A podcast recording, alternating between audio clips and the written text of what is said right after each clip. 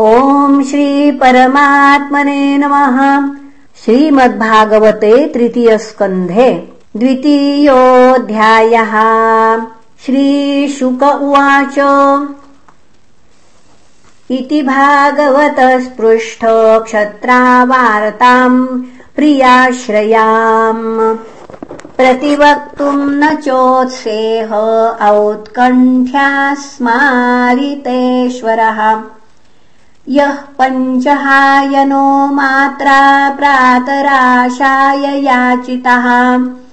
तन्यैच्छन्द्रचयन् यस्य स्वपर्याम् बाललीलयाम् स कथम् सेवया तस्य कालेन जरस गतः पृष्ठो वार्ताम् प्रति ब्रूयाद्भर्तुः पादावनुस्मरन् स मुहूर्तमभूत्तूष्णीम् कृष्णाङ्घ्रिसुधया वृषम्। तीव्रेण भक्तियोगेन निमग्नः साधु निवृतः पुलकोद्भिन्न सर्वाङ्गो मुञ्चन्मीलदृशाशुचः पूर्णार्थो लक्षितस्तेन स्नेहप्रसरसम्प्लुतः शनकैर्भगवन्लोकान्द्रुलोकम् पुनरागतः विमृज्यनेत्रे विदुरम् प्रत्याहोद्धव उत्स्मयन् उद्धव उवाच कृष्णद्युन्मणिनिम् लोचे जीर्णेष्वजगरेणः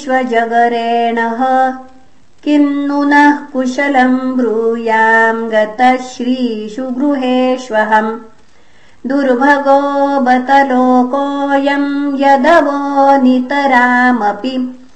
ये संवसन्तो न विदुर्हरिम् मीना इवोडुपम्। इङ्गितज्ञा पुरुप्रौढा एकारामाश्च सात्वताः। सात्वतामृषभम् सर्वे भूतावाससमसम्। पुनः सात्वतामृषभम् सर्वे भूतावासममंसत देवस्य मायया पृष्टा ये चान्यदसदाशिताः। भ्राम्यते धीर्न तद्वाक्यैरात्मन्युत्पात्मनो हरौ प्रदर्श्या तप्ततपसामवितृप्तदृशाम् नृणाम् आदायान्तर्धाद्यस्तु स्वबिम्बम् लोकलोचनम् यन्मर्त्यलीलौपैकम् स्वयोग मायाबलम् दर्शयता गृहीतम् विस्मापनम् स्वस्य च सौभगर्धेः परम् पदम् भूषणभूषणाङ्गम् यद्धर्मसूनोर्वतराजसूये निरीक्ष दृक्स्वस्त्ययनम् त्रिलोकः कारस्नेन चाद्येहगतम् विधातुर्वाक्श्रुतौ कौशलमित्यमन्यत। यस्यानुरागप्लुतहासरास लीलावलोकप्रतिलब्धमानाः। व्रजश्रियो दृग्भिरनुप्रवृत्तर्धियोऽवतस्थु किल कृत्यशेषाः स्वशान्तरूपेष्वितरैः स्वरूपैरभ्यर्ध्य मानेष्वनुकम्पितात्मा। परावरेशो महदंशयुक्तो यजोऽपि जातो भगवान् यथाग्निः। माम् खेदयत्येतदजस्य जन्म विडम्बनम् यद्वसुदेवगेः व्रजे च वासोरिभयादिवम् स्वयम् पुराद्व्यवासीद्यदनन्तवीर्यः। दुनोति चेतस्मरतो ममैतद् यदाह पादावभिवन्द्यपित्रोः ताताम्बकंसादुरुशङ्कितानाम् प्रसीदतम् नो कृतनिष्कृतीनाम् को वा अमुष्याङ्घ्रिसरोजरेणुम् विस्मर्तुमीशीतपुमान् विजिघ्रन्। यो विस्फुरद्भ्रूविटपेन भूमेर्भारम् कृतान्तेन चिरश्चकार दृष्ट्वा भवद्भिर्ननुराजसूये चैद्यस्य कृष्णम् द्विषतोऽपि सिद्धिः। याम् योगिनः संस्पृहयन्ति सम्यक् योगेन कस्तद्विरहम् सहेतो। तथैव चान्ये नरलोकवीरा य आहवे कृष्णमुखारविन्दम्। नेत्रैः पिबन्तो नयनाभिरामम्। पार्थास्त्रपूतापदमापुरस्यो।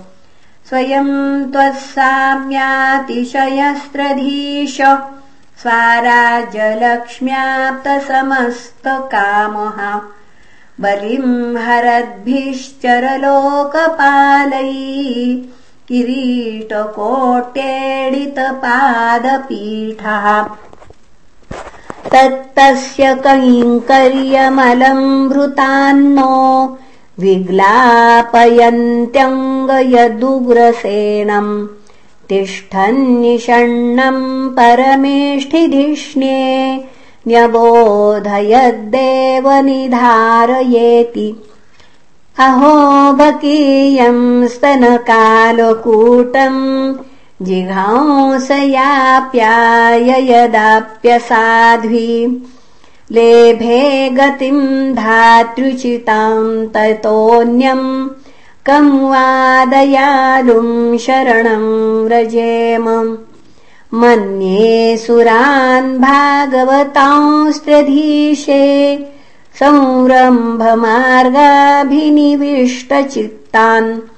ये संयुगे चक्षततार्क्षपुत्र मंसे सुनाभायुधमापतन्तम् वसुदेवस्य देवक्याम् जातो भोजेन्द्रबन्दने चिकीर्षुर्भगवानस्याः शमजेनाभियाचितः। ततो नन्दव्रजमितः पित्रा कंसाद्विबिभ्यता। एकादशसमास्तत्र गूढार्चिः सबलोऽवसत् परीतो वत्सपैर्वत्सांश्चारयन् व्यहरद्विभुः यमुनोपवने कूजद्विजसङ्कुलिताङ्घ्रिपे। कौमारिम् दर्शयंश्चेष्टाम् प्रेक्षणीयाम् रजौकसाम् रुदन्निवहसन्मुग्ध बालसिंहावलोकनः स एव गोधनम् लक्ष्म्यानिकेतम् सितगोवृषम् चारयन्ननुगान् गोपान् रणद्वेणुररीरमत् प्रयुक्तान् भोजराजेन मायिनः कामरूपिणः लीलया व्युनुदत्तांस्तान् बालः क्रीडनकानिव विपन्नान् विषपानेन निगृह्य भुजगाधिपम् उत्थाप्यापाययद्गावस्ततोऽयम् प्रकृतिस्थितम्।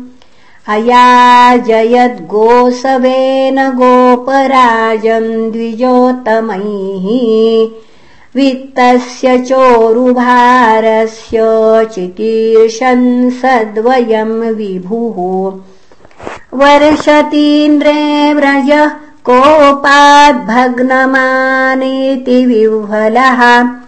गोत्रलीलातपत्रेण त्रातो भद्रानुगृह्यता शरच्छशिकरैर्मृष्टम् मानयन् रजनीमुखम् गायन् कलपदम् रेमे स्त्रीणाम् मण्डनमण्डनः इति श्रीमद्भागवते महापुराणे पारमहंस्याम् संहितायाम् तृतीयस्कन्धे विदुरोद्धवसंवादे द्वितीयोऽध्यायः श्रीकृष्णार्पणमस्तु।